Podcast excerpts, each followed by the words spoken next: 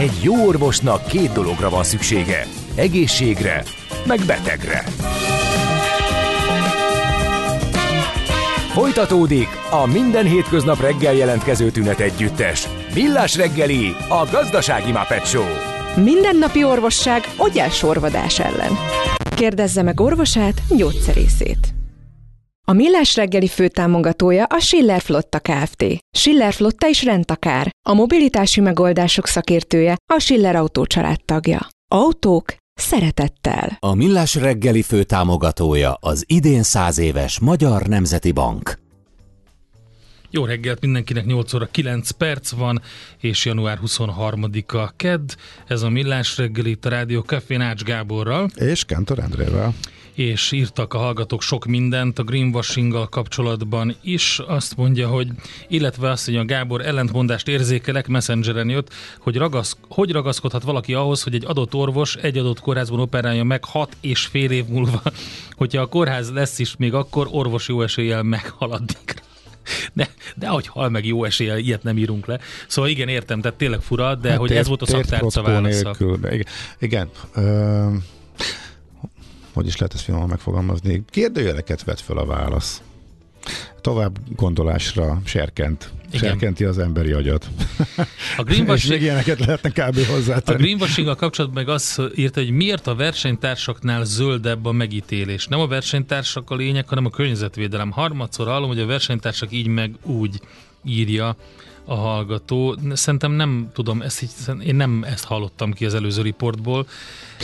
Volt egy ilyen pont, hogy mi alapján valamelyik kritérium az ez volt, hogy a versenytársakhoz képest kell bizonyítani, hogy zöldebb vagy, hogy használhass, de jelzés. Ja, ja, ja, hát, de hát az logikus, nem? Tehát hogy az ugyanolyan, mint amikor a GVH azt mondta, hogy ott nem mondhatsz, hogy, hogy tudom Magyarország kedvenc valamilyen terméke, ha nem tudod alátámasztani hát, valamilyen felmérésekkel. Attól még furcsa. Mert a versenytárs is mondhatja akkor de attól még, hogy a versenytárshoz képest egy picivel jobb adatokat tudsz kimutatni, attól még lehet, hogy te abszolút nem vagy vagy nem álltál uh-huh. jó mhm. irányba. És Na ezt még szerintem jó meg, érte, megvizsgáljuk úgyhogy... részletesebben, mert érdekes téma volt.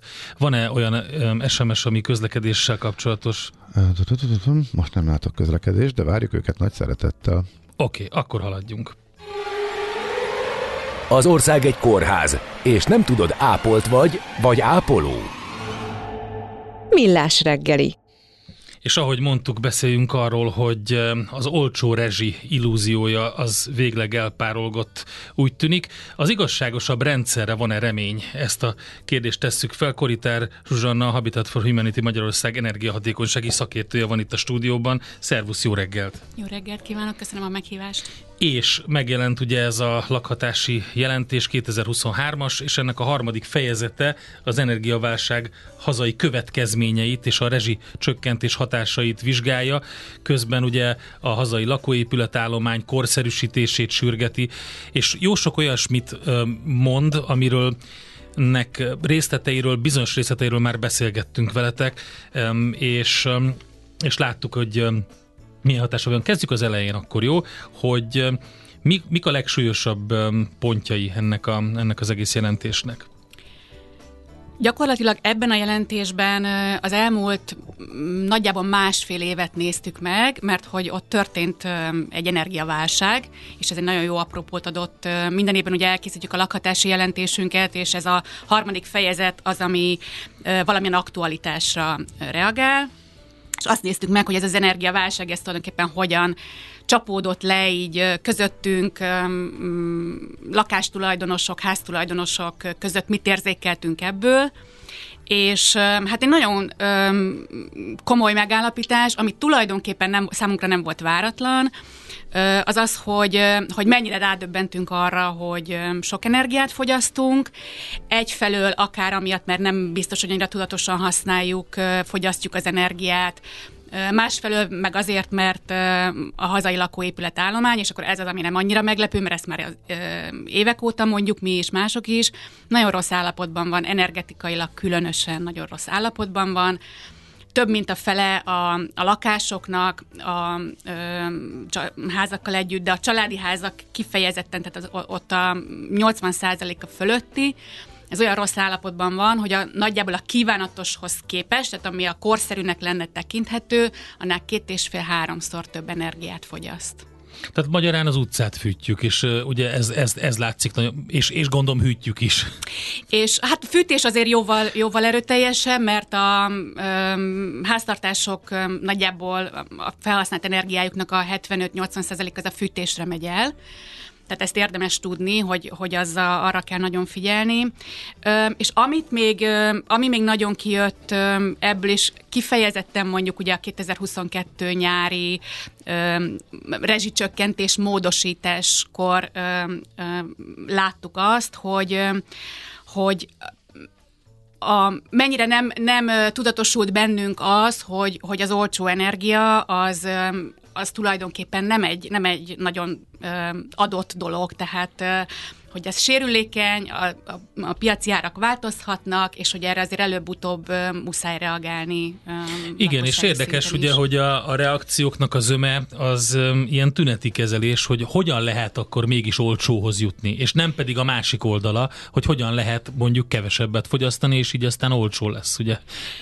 Nem biztos, hogy teljesen egyetértek ezzel, mert azért pont, pont a tavalynyári módosítás mentén azért nagyon sokan elkezdtek abban gondolkodni, hogy hogyan lehet kevesebbet fogyasztani, akár a, a tudatos használattal, akár volt, aki már ja, bocsánat, előre a lakossági oldalon igen, meg hát cég igen. oldalon igen, én, én itt a döntéshozói oldalt akartam, amit ott, ott, ott lényegében a kommunikáció az az volt, hogy, hogy megoldjuk, hogy olcsón jöjjön, és, és a másik oldal pedig az, hogy csökkentsük ezt le úgy, hogy ne fogy fogyasszunk, ez kevésbé volt hangzatos. Hát és pont ezért tulajdonképpen sodródott bele a lakosság ebbe a, ebbe a tudatállapotba, hogy megoldjuk, tehát ez megy ugye 2013 óta gyakorlatilag, ö, olcsó az energia, nem kell semmivel foglalkozni, és tényleg nem történt semmi, tehát tényleg nem foglalkoztunk semmivel, nem történtek meg azok a, ö, az épületfelújítások, tehát elvesztegettünk egy, egy, egy-két évtizedet gyakorlatilag azzal, hogy, hogy nem nyúltunk. Nagyon érdekes ez, a,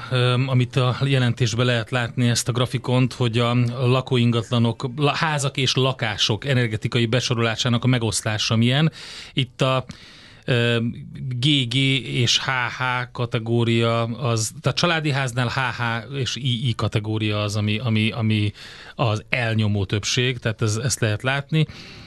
A társasházaknál pedig E-től a GG-ig nagyjából ott nagyon sokan vannak benne.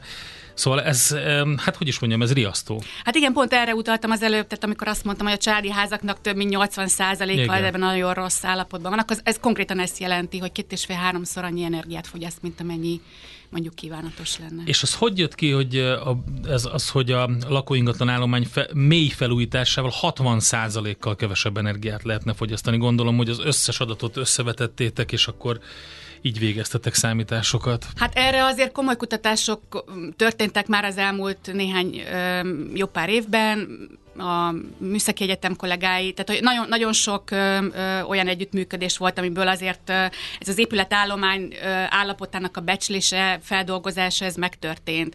És ez egy műszaki potenciál, tehát gyakorlatilag ez azt jelenti, hogy a mélyfelújítás energetikailag az azt jelenti, hogy nyílászárót cserélünk, hőszigetelünk, ugye a homlokzatot, a, a tetőt hőszigeteljük, fűtésrendszert korszerűsítünk, tehát hogyha ez így nagyjából mindet megtesszük a, az ingatlanon, akkor, akkor mondjuk egy ilyen nagyon rossz állapotú épület, vagy kevésbé rossz állapotú épületnél egyébként a 60% is meg tud történni, egy nagyon rossznál akár 80 is. Mennyibe kerül egy ilyen, vagy hát most nyilván egy nincs olyan, hogy átlagos kádárkocka, de mégis valami hozzávetőleges összegre kíváncsi lennék, illetve arra, hogy úgy tűnik, hogy ez ugye az állam feladata lenne valamilyen módon, illetve ennek legalábbis a támogatása, előmozdítása, ösztönzőknek a bevezetése. Hogyha a lakosság erre vár, akkor az talán egy racionális reakciónak is nevezhető, mert hogy nagyjából mindenhol a, e, Európában ezt látjuk, és valahol logikus feltételezés, hogy nálunk is ez lesz. Addig meg nem akarja a saját pénzét költeni e, rá. Viszont e, akkor, ha meg az első lépés sem tesszük meg, akkor meg csak ugye pazaroljuk az időt továbbra is. Szóval a csapdából hogy lehetne kitörni? Hát nyilván kézenfekvő lenne, hogyha az állam valamit tenne, csak ugye ennek nem látjuk elejét.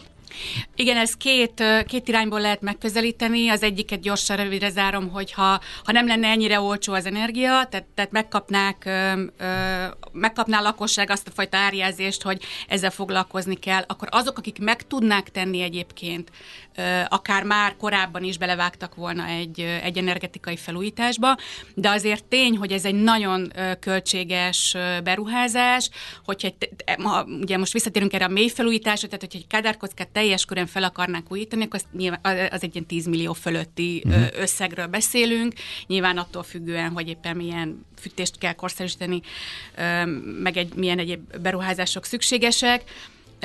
Hát azért nagyon kevesen tudnak 10 millió fölötti összeget előhúzni a zsebükből, a, a hitelképessége hát az, az, is az országnak. Házért, tehát, hogy házértékének akar a felére is rúghat mondjuk.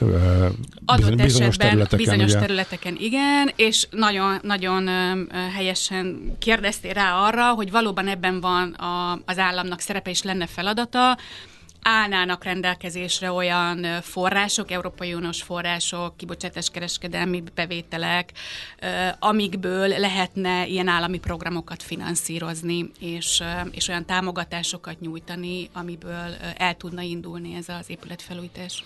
Hát szerintem az energiafüggetlenség kérdése, hogy hogy érjük ezt el, az, az egyik sarkalatos pontja az, hogy hogyan tudunk úgy függetlenedni, nem használjunk, ugye, tehát nem az, hogy más honnan vesszük, amikor használjuk, hanem hogy egyáltalán nem, de erről még beszélgetünk.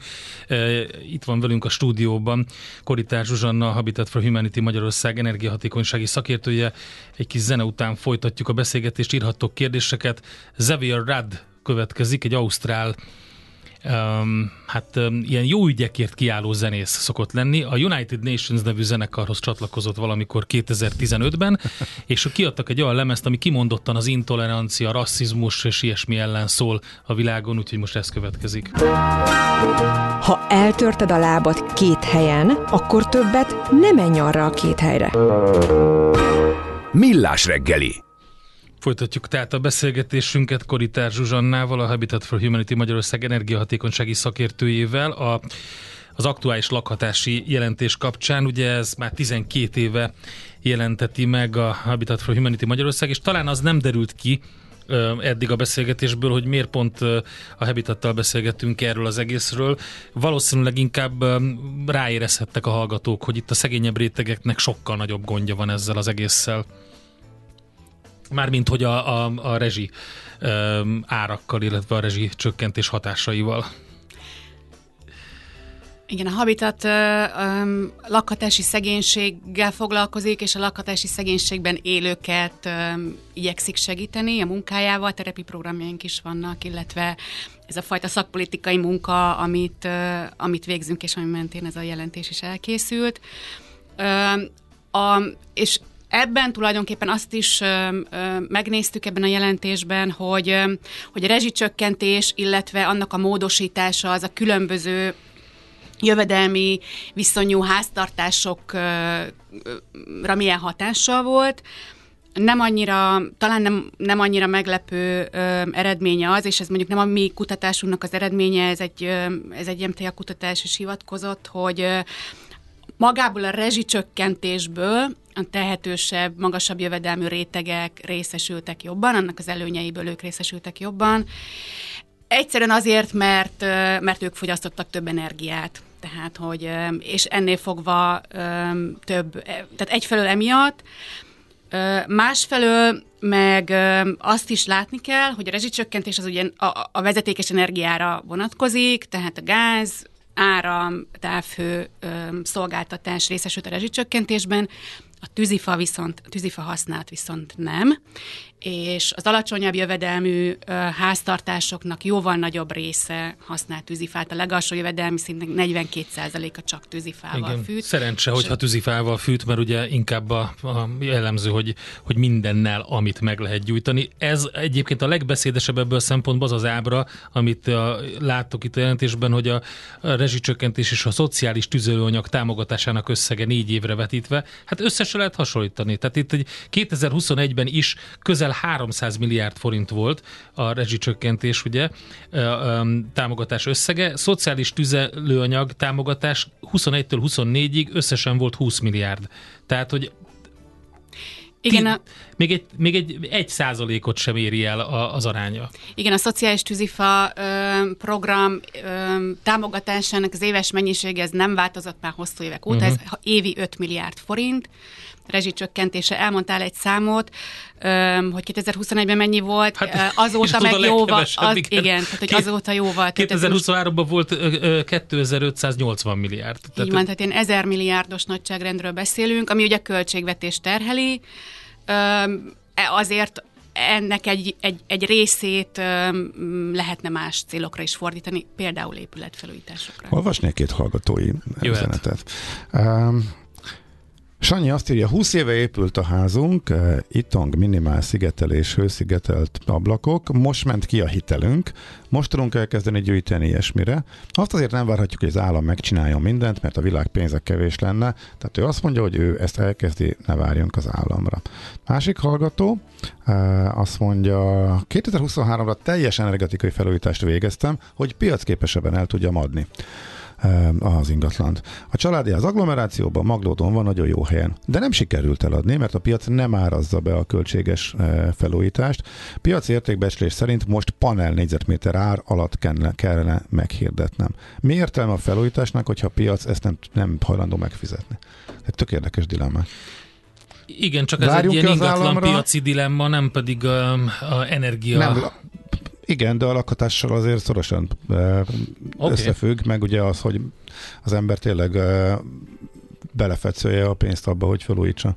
Ez egyébként egy nagyon érdekes téma, mert két év, két-három évvel ezelőtt történt egy kutatás, ezt a KSH és az Eltinga közreműködésével történt, és kifejezetten azt vizsgálták, hogy van-e a, a, az energetikai felújításoknak árfelhajtó hatása. Uh-huh és nyilván most ez a Magludi eset, ez, ez, ez egyedi eset, és elhiszem, hogy, hogy ez így történik, de hogy a nagy kép az azt mutatja, hogy, hogy, hogy van ennek. Tehát, hogy a, a, hogyha mondjuk az alsó kategóriákból egy, egy felső kategóriába fel tudjuk újítani, akkor annak már, már olyan jelentős ö, ö, se is lehet, ami adott esetben meg is haladhatja a beruházás mértékét. Nyilván itt azért nagyon meg kell nézni azt, hogy, hogy hol van ez az ingatlan, tehát ezt mindenki tudja, hogy ennek az Igen, azért mondtam, hogy ez egy ingatlan piaci kérdés, de a saját szempontjából vizsgálva természetesen ez egy fontos dolog. Itt viszont arra térjünk rá, hogy milyen pénzek lennének arra, hogy ezt az egész korszerűsítést ezt elkezdjük. És itt ugye már beszéltünk korábban energia szempontjából Magyarországi magyar Európai Uniós forrásoknál. Az egyik az egy, az egy nagyon nagy része, az a Repower EU fejezetben ből érkező pénz. És erre van egyébként az Európai Uniónak konkrétan terve, ez a szociális klíma alap, ami viszont arról szól, hogy kimondottan azokat a rétegeket segítse meg, akik egyébként ezzel nem tudnak lépést tartani anyagilag. Igen, a szociális klíma alap az azért született meg, ez 2026-tól lesz majd elérhető a tagállamok számára, mert hogy az Európai Unióban történik egy olyan folyamat, ami ugye arról szól, hogy a kibocsátásunkat csökkentsük, tehát klímavédelmi megfontolások, energiafüggőség csökkentés, és ennek mentén számos olyan jogszabály és előírás kötemény változik, a közeljövőben, ami azért terheket tud majd rakni a lakosságra, akár most, ha egy, egy karbonadó bevezetésről beszélünk, tehát mondjuk megnövekednek ugye az energiárak, vagy a felújítási kötelezettség, épületenergetika irányelv is módosult, tehát hogy ezek olyan ö, terheket tudnak rakni a lakosságra, amit nem biztos, hogy maguktól el, el tudnak majd bírni és a kifejezetten mondjuk például az a réteg, ami, aki, aki rászorulóbb, alacsonyabb jövedelmű, egyéb módon, egyéb okok miatt rászoruló, és hogy őket mindenképpen segíteni kell, tehát ezt a szociális klíma alapot, ezt azért hozta létre a, a, az Unió, hogy ebből azokat a háztartásokat lehet majd támogatni, akik önerőből nem tudnák ezeket a módosításokat, felújításokat akár megcsinálni. Tehát ezt, ezt, ezt, ezt ország szinten lehet igényelni, és Aha. Így van. A Magyarország egyébként az egyik legnagyobb összeget kapja, nagyjából a negyedik a sorban. Ezer milliárd forint összegről beszélünk, ami ami nem, nem kevés, nem annyira nagyon sok, de nem is kevés, tehát abszolút lehet ezzel már mit kezdeni és 2026 és 32 között lehet majd fel, felhasználni, például épületfelújításokra. Ezt meg ezt szigorúan veszik meg címkézet, mert látunk majd, hogy valamire érkező pénzek, hát véletlenül kitérőre mentek, és nem arra a célra kerültek felhasználásra. Nem, ez, ez, ennek nagyon szigorú kritériumrendszere van, erről készült egy rendelet, és a függelékében abszolút le van írva, hogy milyen szempontok szerint fogják ezt vizsgálni. Szociális klímatervet kell készíteni minden tagállamnak, ami nagyon pontosan le kell írni, hogy hogyan célozza, hogyan találja meg azokat a háztartásokat, akiknek valóban szüksége van erre a pénzre, milyen intézkedések kérdésekre fogja fordítani, uh-huh. mennyi összeggel. Úgyhogy ezt nagyon alaposan alá kell támasztani, és abban az esetben fogja megkapni. Tehát ez nem jár automatikusan, ezt meg kell és ez a most érkező uniós források, amit nagy nehezen sikerült, vagy sikerül majd lehívni, illetve ugye a, meg, a teljesítés is elkezdődött, de elfogadták a teljesítést, és majd érkeznek. Ugye ez egy kisebb hányada a teljes keretnek, de jön. Ebben azért úgy láttuk, hogy volt ilyen célú forrás is. Vannak, Ezekkel mi a helyzet? Igen, vannak ilyen ö, ö, tervek, és a forrásokból ö, szánnak erre összegeket. A, ugye Endre említetted a, a, a Repower de van a helyreállítási alapnak másik része is, amiből, illetve az operatív programokból is. Az egyetlen probléma ezzel az, hogy, hogy nem csak az összeg kevés, amit erre szánnak, hanem a megcélzott lakások száma. Összesen az a következő néhány évben, amit a tervekből látunk, kevesebb, mint százezer lakásnak a felújítása van előirányozva, csak hogy összehasonlításként így ö, elmondjuk, és ezek nem is mind mély felújítás, tehát valamilyen szintű energiahatékonysági felújítás. Ahhoz, hogy a, a 2050-es célokat elérjük, évente 100-130 ezer lakásnak a mély felújítására lenne uh-huh. szükség. Most mezei userként ismét akkor fölmerül a kérdés, hogy ezt ki fogja kapni, mi alapján fogják elosztani, érdemes-e arra várni, vagy megkezdjem magam a felújítást, vagy érdemes abban reménykedni, hogy akár uniós forrásból, akár az állam, magyar állam saját forrásból erre többet költ. Hát akinek van erre forrás és lehetőség, mindenképpen azt javaslom, hogy kezdjen neki várni nem biztos, hogy annyira érdemes. A kifejezetten a szociális klíma alapból meg tényleg csak azt tud részesülni, aki, aki önállóan nem tudna neki uh-huh. állni. Tehát, hogy ő meg kénytelen nyilván várni. De az, aki meg várna emiatt, erre az nem biztos, hogy jogosult lesz majd rá. Tehát arra nem feltétlenül. Uh-huh. Oké, okay, lehet egy utolsó kérdés? Hogy ne lehetne? Még kint beszélgettük, és nem teljesen szorosan kapcsolódik a tárgyhoz, de szerintem sokakban fölmerül a kérdés, hogy mennyire tekerjük le a fűtést, illetve ha nem, mert totál ellentmondó információk láttak napvilágot, és amikor utána keresgéltem, nem volt egyértelmű a válasz, hogyha mondjuk két napig nem vagyunk otthon, mondjuk egy hétvégén, vagy akár csak nagyon korai óráktól késő estig dolgozunk, akkor érdemese, illetve mennyire letekerni a fűtést hogy az mondjuk energiahatékony is legyen, meg mondjuk meg jó is legyen neked. Hát nem a rendszer se. Te már most a rendszernek se. Hát ne, hát nekem jó lesz, hát nekem teljesen jó lesz. Ez, szóval, a Gábor hogy... nagyon fázós. Igen, azt már hallottam, igen. Új, újabban. Erre a Műszaki Egyetem kollégáktól kaptam egy nagyon jó iránymutatást. Eleve azt az egy tévhit, hogy, hogy a, a, a háznak a felfűtése az annyira nagyon sok energia lenne, hogy nem érdemes letekerni, hanem Aha. tartsuk folyamatosan egy ö, hőmérsékleten. Ez ö, pláne az ilyen nagyon rossz energetikai állapotú házaknál ez, ez különösen nem érvényes, mert akkor is csak megy kifelé, ö, amit fűtünk. A, Nagyjából az ökölszabály az az, hogy egy ilyen 3-4 fok különbség legyen a letekert állapot, illetve ami, ami, amikor mi otthon vagyunk, és ami, amiben jól érezzük magunkat állapot között. Nyilván érdemes minél alacsonyabb hőmérséklethez szoktatni magunkat, hogyha ez sikerül, ha nem, akkor nem. De, hogy, de ha már csak egy napra is elmegy, reggel elmegyünk, este visszajövünk, már arra is abszolút érdemes letekerni 3-4 fokkal a termosztátot, mert, mert abszolút energia megtakarítással jár. Uh-huh. 3-4 fokkal. És egy Igen. hétre elmegyünk, akkor is csak 3-4 fokkal? Tehát ne eresztük le 10 fokig, vagy ilyesmi? Ö, nem biztos, hogy az, az annyira érdemes. A, a 10 fok az már, az már egy elég sok... Ö... Fűtsön a szomszéd, tudod? Ja, ja, tényleg, régen így volt, ez régen, nem, régen, nem igen. megoldani. Mindenesetre magát a, a Habitat jelentést a Habitat for Humanity Magyarország oldalán el lehet érni teljes egészében, ábrákkal, grafikonokkal, kimutatásokkal, mindennel együtt. Rengeteg olyan dolog van benne, ami most nem fért bele a beszélgetésbe, de érdemes átolvasni. Zsuzsa, neked köszönjük szépen, hogy itt voltál és elmondtad nekünk ezeket, és hogy válaszoltál a kérdéseinkre. Köszönjük Én szépen. Én is köszönöm. Koritás Zsuzsanna, Habitat for Humanity Magyarország energia hatékonysági szakértője volt itt velünk a stúdióban. Mi megyünk tovább egy kis összeállítással, majd egy zene, és akkor aranyköpés rovatunk következik. Azt azért senki sem kérdezi meg a doktortól, hogy doktor úr, a maga szíve sose fáj. Millás reggeli. Jé, hát ez meg micsoda? Csak nem.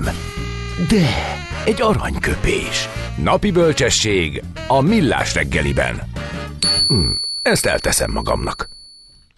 Széchenyi Zsigmond az egyik születésnaposunk, akiről nem emlékeztünk meg a műsor elején, de most elmondjuk, hogy 1898-ban született a neves író, vadász, utazó, nagyon sok érdekességet mondott, meg hát nyilván a könyveit, akit olvasták, emlékeztetnek rá. Többek között egyébként nagyon jó megfogalmazta azt, hogy ugye a vadászattal kapcsolatban van egy ilyen ellentmondásos megítélés, és nem is alaptalanul nyilván, de a másik oldalt is látni kell, és a, egyszer, egyszer a vadászattal kapcsolatban mondta azt, hogy, hogy a, hát a vadászat az lényegében az erdő zúgása, a vadak üldözése, de leginkább az erdő zúgása. Tehát, hogy mi, miről szól maga a történet. Mindegy, szóval, hogy azért érdemes egy kicsit a másik oldalt is olvasgatni. Egyszer ezt mondta, többet ér ajándékozni, mint kölcsönadni. És ugyanannyiba kerül. Na hát ez, ez egy másik nagyon komoly, nagyon komoly mondás, amit azért érdemes um, hát megfontolni. El, elég komoly hitel, hitelbedőlési arányal számol a mondás szerint. szerint szerintem, szerintem meg csak annyi, hogy, hogy, Persze, hogy má, máshogy áll hozzá a dolgokhoz. Az egészséget megőrzése az egyik legjobb befektetés. Semmi mással nem érhet ekkora hozamot. Millás reggeli. Na nézzük azt, hogy a fenntartatóság kapcsán a hazai ipari cégek milyen helyzetben vannak. Erről végzett kutatást a Siemens ZRT. Itt van velünk a vonalban Jelánek Tamás, a Siemens ZRT vezérigazgatója. Jó reggelt kívánunk! Jó reggelt kívánok! Hogy állnak a hazai ipari cégek fenntartatósági területen? Köszönöm szépen a kérdést, egy nagyon izgalmas téma, mert mi azt gondoltuk, hogy ezt már nagyon sokan és sokféleképpen kutatták, kutatják, de aztán kiderült, hogy tulajdonképpen egy ilyen felmérés, amit mi végeztünk, ez még nem nagyon volt. A körülbelül 200 plusz vállalatot, iparvállalatot kérdeztünk meg, akik mondjuk 20 főnél azért nagyobbak, milliárdos árbevételrel rendelkeznek, és próbáltuk megérteni, hogy mi motiválja őket, hogyan gondolkodnak, és aztán itt nagyon sok szempont jött össze, majd nyugodtan lehet közbe kérdezni, de mondanék egy-két uh-huh. okay. paramétert, amivel szembe találkoztunk. Természetesen a fenntarthatóság kiemelt szerepet játszik, tehát mindenki hallott már róla, mindenki tud róla, mindenki foglalkozik vele, és ami még nagyon érdekes, hogy minél nagyobb piaci részesedése van valakinek, annál komolyabban veszi ezt a, a témát. Én szerintem könnyű belátni, hogy ebbe versenyelőt lát, és ezt próbálja kihasználni. A megkérdezetteknek körülbelül a fele, picit több, mint a fele hivatkozott arról, hogy már van fenntarthatósági rendszere. Az, hogy ez milyen mélységű, milyen részletességű, azt most, azt most nem néztük, de külsős vagy belsős kollégákkal foglalkoznak a fenntarthatóságnál. Egyébként minden harmadik cégnek van saját belsős kollégája. Nyilván itt is meg lehet nézni, hogy ez a kolléga még mellette mi mindennel foglalkozik, vagy tényleg csak ez a fő állása. A jövő biztos az, hogy ez lesz a fő állása most még valószínűleg sok minden más is a, a keze alatt van. Ami, ami még nagyon érdekes, hogy a vállalatoknak kb. 60%-a mondta azt, hogy rövid távú céljai is vannak fenntarthatóság alatt, 40%-uk meg azt mondta, hogy már van hosszú távú elképzelésük is és hogy milyen témákban, szerintem ez is érdekes, de valószínűleg ezt ki tudnánk találni könnyen. Elsősorban hulladékkezelés, energiahatékonyság, víz, levegőszennyezés csökkentése, ezek a a sláger témák. Hát az első amik, kettő amik az ugye nyilván rögtön és direkt módon érinti a pénztárcát. Az energia hatékonyság az ugye attól függ, hogy mennyit fizet az a vállalat, a másik meg ugye a hulladék, ami szintén most már egy, egy komoly összeget is jelentett, úgyhogy egyértelmű, hogy, hogy, hogy a, a felismerés az, az nem csak a, a zöldebb jövő, hanem a, hát a, a vastagabb pénztárca is a cégeknél. A, hát a legnagyobb motivációról beszélünk egyértelműen. Hát itt lehet a leg, leggyorsabban és a leghatékonyabban, és sajnos uh, itt még mindig komoly lemaradások vannak, pedig már ezek, ezek nem új témák. Uh-huh, igen. Hát, uh, de ahogy, ahogy jön egy energiaválság, ahogy jön egy kényszerítő erő, de egyre többet foglalkozunk vele, és abszolút ez, a, ez van a hátterébe. Úgyhogy a, az energiahatékonysága, hogy itt a, a, korábban is hallgattam a rádióban, kulcs, kulcspont, de ezzel párhuzamba hagyj állítsam azt a, a mondjuk a zöld közlekedést, a cégeknél ez 26, 26 százalék, tehát viszonylag alacsony értékként szerepelt, mint amivel szeretnének komolyabban foglalkozni, ez egy nagyon érdekes. Valószínűleg itt kevesebb a, a megtakarítás megtakarítás, vagy a fejlesztési lehetőség. Uh-huh. És a fenntarthatóságon a belül még mi az, amit eh, leghangsúlyosabban eh, kiemeltek, melyek azok a területek, illetve melyek azok, amelyek mondjuk hasonlóan meglepően alacsony eh, százalékban kerültek említésre? Például ugye néztük azt is, hogy fenntarthatóságban soroljuk a, a biodiverzitást, a, a, a társadalmi fejlesztési témákat, mondjuk az utóbbi ez 35 százalék, szerintem ez, ez nem olyan rossz, mint amennyire hangzik, tehát hogy alacsonynak tűnik, de, de, de ez azért egy magas, magas érték talán ezek voltak, de, de még egyszer mondom, a, itt az elején említett hulladékkelezés és energiahatékonyság az a csúcs, tehát most az, az a fókusz mindenhol, és abban látnak a legtöbb fantáziát. Nyilván a, a karbon lábnyom egy nagyon érdekes dolog. Itt azt vettük észre, hogy hogy kb. a válaszadók 39%-a szerint ez egy jövőbeni verseny előnt jelent, de ugyanakkor a 73%-uknál még nem készült ilyen számítás. Ebbe egyébként mi tudunk segíteni, van erre szoftverünk, de ez egy nagyon érdekes párhuzam, hogy először érteni kéne, hogy, hogy mi hol tartunk, és utána lehet erre fejlesztési akciókat ráépíteni. Itt látszik, hogy még van fejlődési hát ez biztos.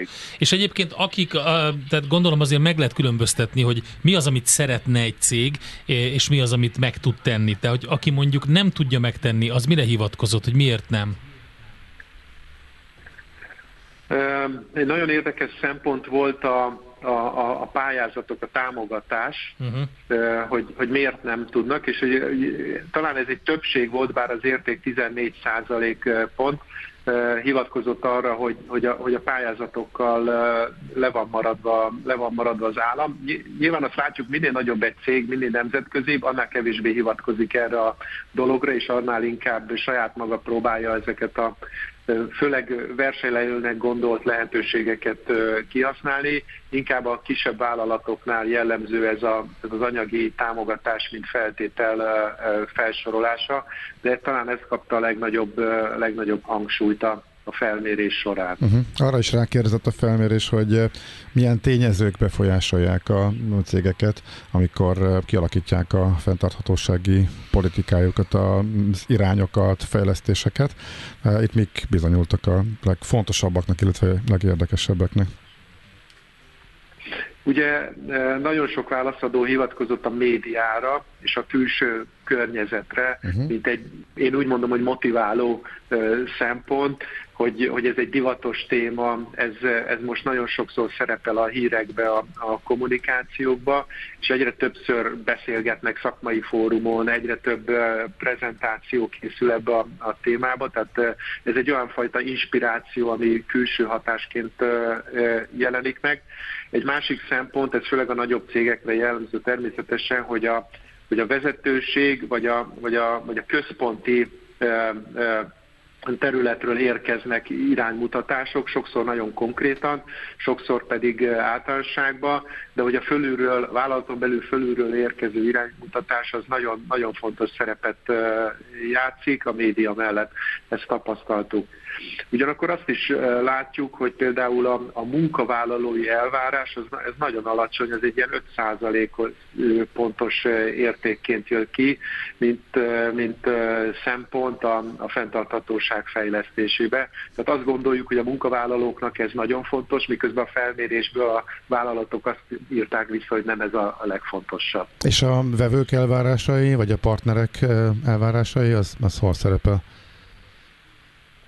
A partnerek vevők elvárásai az elsősorban ott szerepel, hogy szeretnének minél versenyképesebbek lenni, minél hatékonyabban, minél olcsóbban, minél többet gyártani, minél kevesebb befektetett energiával. Ugye itt visszatérünk megint az energiabefektetésre, itt sokszor a villamos energia hangzik el, de ez ugyanigaz, ugyanúgy igaz a vízre, gőzre, gázra.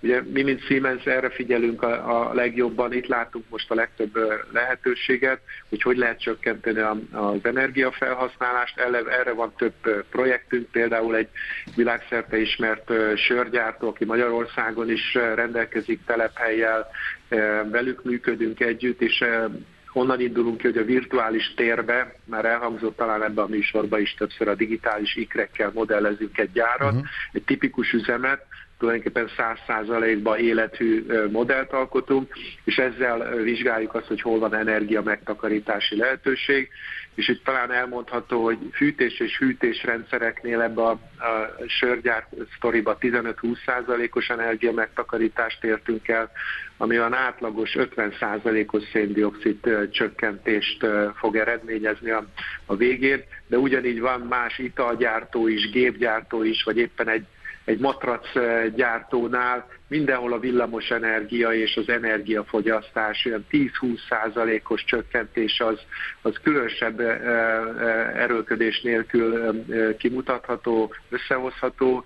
Nyilván ehhez bizonyos rendszereket fel kell újítani, át kell alakítani, de a transzparencia az elsődleges az adatok gyűjtéséből kielemezzük ezeket a lehetőségeket, és ahogy említettem, most már van egy Siemens szoftver, amivel a a széndiokszid lábnyomot tudjuk előrejelezni, kimutatni, és azokkal a tervező programokkal, amiket mi használunk, már a tervező asztalon nagyon komoly eredményt lehet elérni.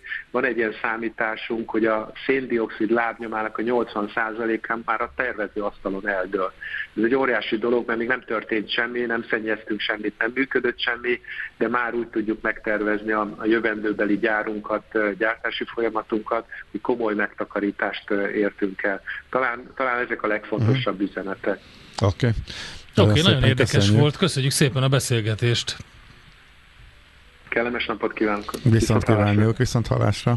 Jelenek Tamással, a Siemens ZRT vezérigazgatójával beszélgettünk, a végzett egy kutatást a hazai ipari cégek között a Siemens, és ennek kapcsán, ennek az eredményeiről beszélgettünk.